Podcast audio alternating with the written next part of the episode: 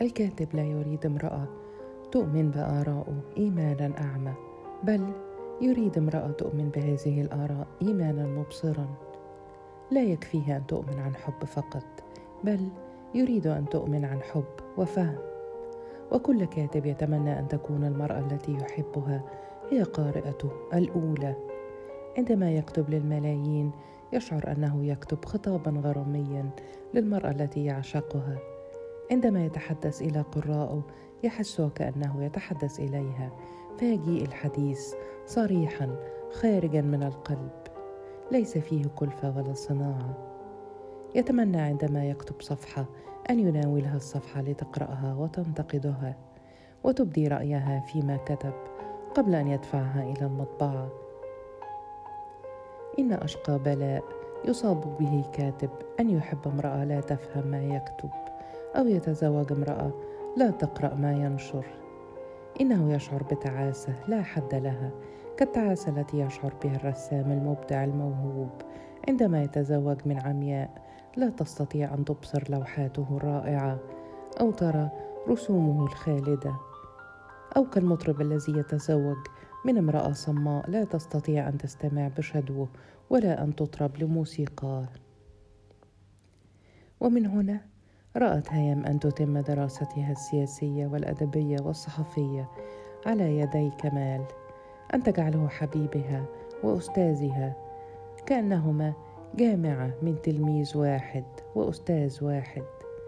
فبدأت تشتري كتبا في السياسة والصحافة والأدب ولا تقرأ الكتاب الجديد كأنه قصة وإنما تقرأه قراءة درس وبحث وعلم وفهم. كأنها تتوقع امتحانا مفاجئا صعبا في كل ما تقرأه وتريد أن تنجح في الامتحان. كان كمال يدهش من هذا التغيير العجيب الذي حدث في هيام.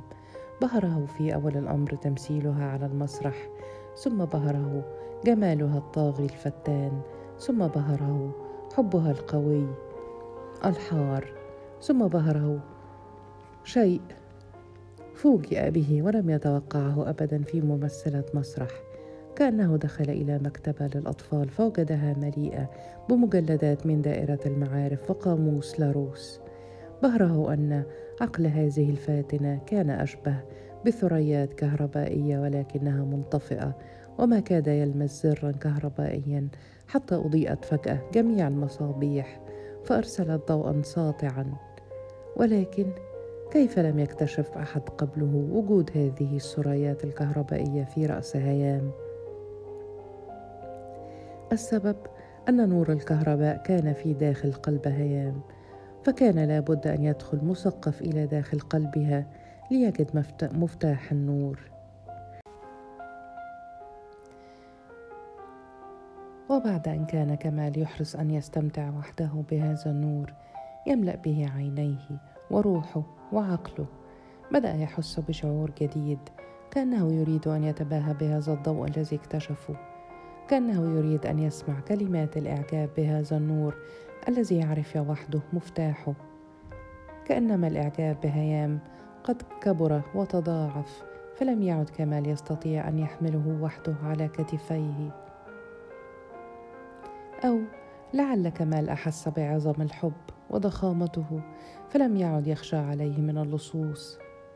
إن الحكومة لا تضع جندي البوليس يحرس أهرام الجيزة لأنها واثقة أن احدا لا يستطيع أن يسرق الأهرامات. كما كان كمال يقول لهيام إن الرجل في بداية حبه يتمنى أن يضع المرأة التي يحبها في خزانة حديدية يحتفظ في جيبه بمفتاحها ولكن بعد أن يثق في نفسه يترك الخزانة مفتوحة ويكتفي بإغلاق باب الغرفة التي فيها الخزانة وبعد أن يثق في حبيبته يترك الخزانة مفتوحة والغرفة مفتوحة ويكتفي بإغلاق باب البيت.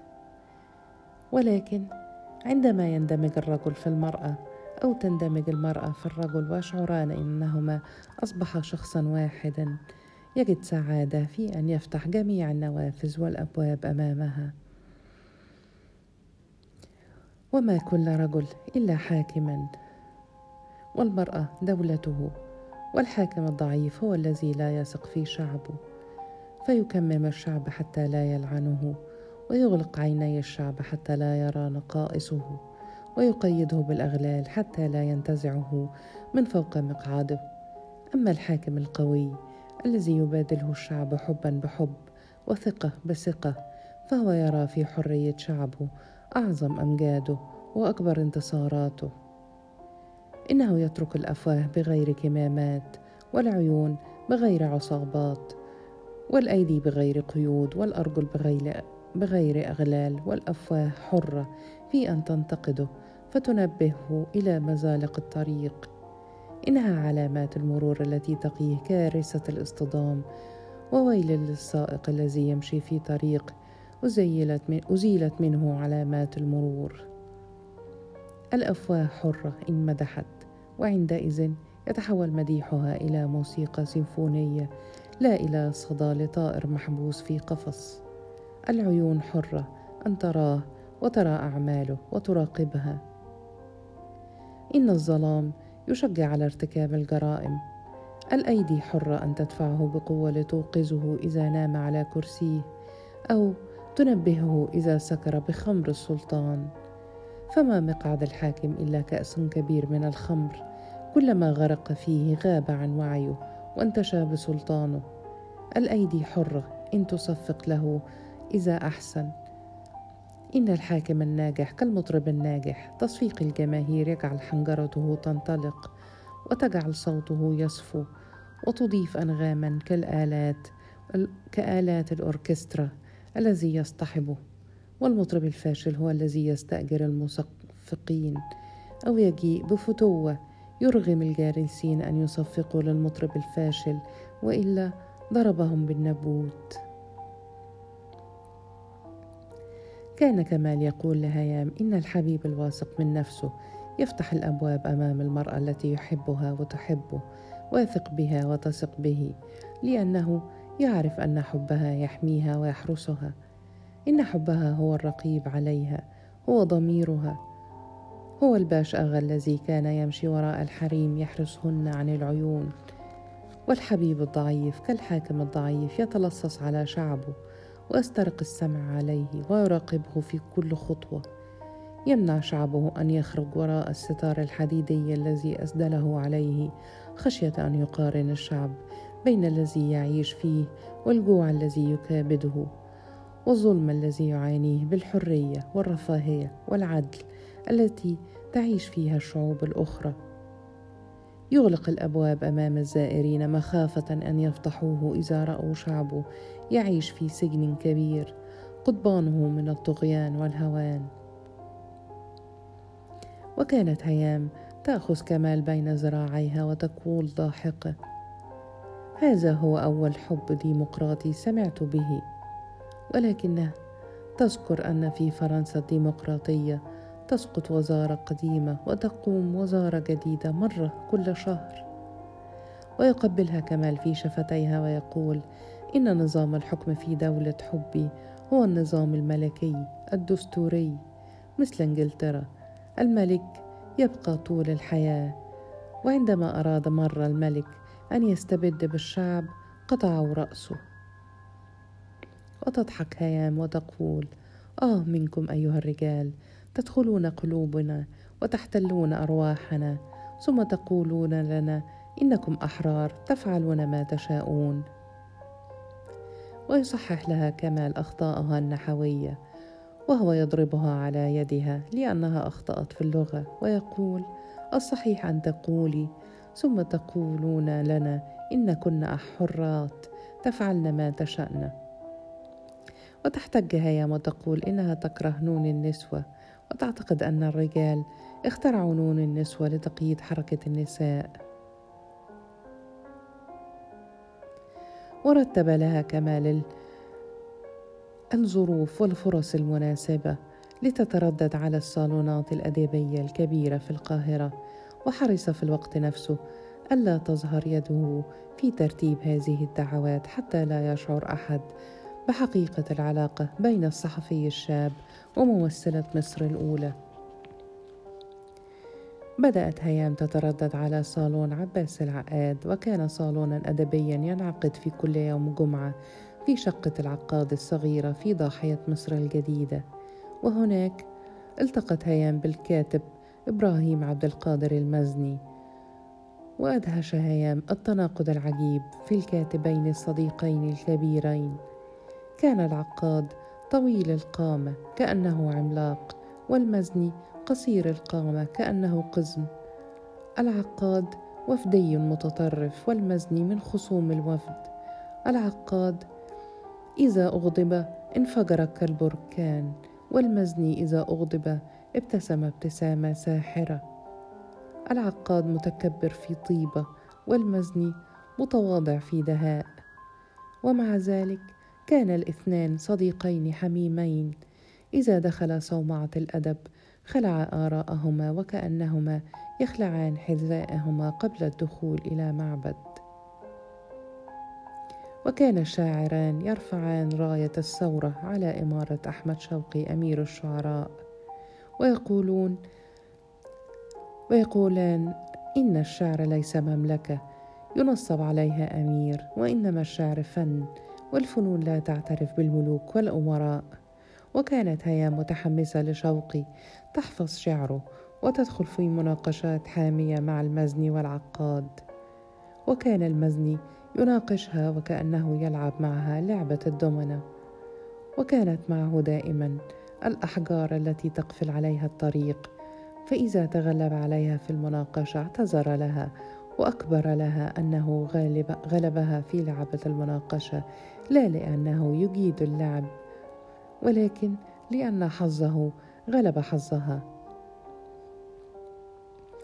وأما عباس العقاد فكان يبدأ المناقشة وكأنها لعبة لعبة تنس وكانت أدلة الإقناع. تطاوع منطقه كما تطاوع كرة التنس مضرب اللعب الممتاز. وكانت كرات العقاد متتالية متتابعة. ضرباته عنيفة صائبة. وكان أستاذا في المنطق. كان يعلل كل شيء بأسباب وأدلة وبراهين وحجج. حتى عندما كان يحدث هيام عن سبب تفضيله فنجان القهوة المضبوط على السك على القهوة السكر الزيادة أو القهوة السادة. قال العقاد مرة لهيام إن أفكارك تعجبني ولكن عيبها أنها تصدر عن امرأة. إن الله عندما, ير... عندما أراد أن يخلق المرأة خيرها أن تختار بين العقل والجمال فاختارت الجمال واختار الرجل العقل.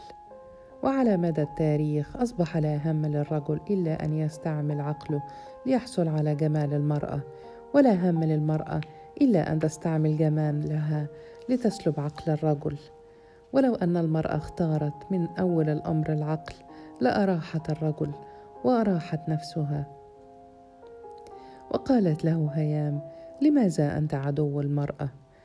قال العقاد إنني عدو المرأة لأنني أحبها قالت هيام إنك تتهم كل النساء بأن لا عقل لهن فهل مدام كوري العالمة لا عقل لها؟ قال العقاد هذه شواذ والاستثناء لا يصبح قاعدة. إن المرأة لم تبرز في أي فن حتى في الأمور الخاصة بها. إن أكبر محل للأزياء في باريس يملكه رجل وأكبر حلاق للسيدات في مصر هو رجل. وأعظم طباخ في العالم بشهادة جريدة التايمز هو طباخ مطعم مكسيم وهو رجل. واعظم طبيب ولادة وامراض, وأمراض نسائية في مصر هو رجل. وأكبر محلات البودرة والروج يملكها رجال. فإذا كانت المرأة لا تبرز في المسائل الخاصة بها فكيف تستطيع أن تبرز في الفنون والعلوم التي اختص بها الرجال؟ واستنجدت هيام بكمال أن يقف بجوارها في مواجهة منطق العقاد. ولكن كمال تخلى عنها وهو يضحك وانضم إلى العقاد. وظهرت هيام في صالون آل عبد الرازق. فقد كان أولاد عبد الرازق باشا يملكون سرايا وراء قصر عبدين وفي إحدى غرف هذه السرايا كان يعقد صالون أدبي يجتمع كل يوم ويحج إليه المثقفون الذين تعلموا في الخارج وأرادوا أن ينقلوا إلى مصر التفكير الفرنسي الحر الذي ساد أوروبا في أوائل القرن التاسع عشر. وكان من أصحاب هذا الصالون محمود عبد الرازق باشا الذي كان وكيلا لوزارة الداخلية واستقال من منصبه لخلاف مع الملك فؤاد. والشيخ مصطفى عبد الرازق أستاذ الفلسفة الإسلامية في جامعة القاهرة والذي أصبح فيما بعد وزيرا للأوقاف ثم شيخا للأزهر.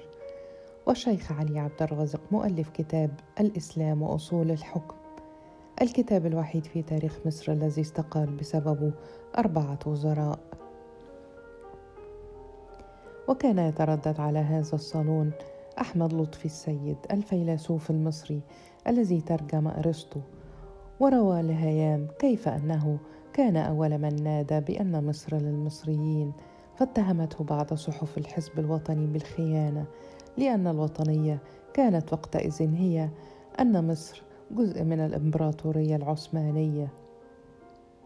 وكانت هيام مبهورة بلطفي السيد فقد كان يتحدث عن تطورات النظريات الفلسفية ببساطة وكأنه يشرح أحد تطورات موضة الفساتين في باريس.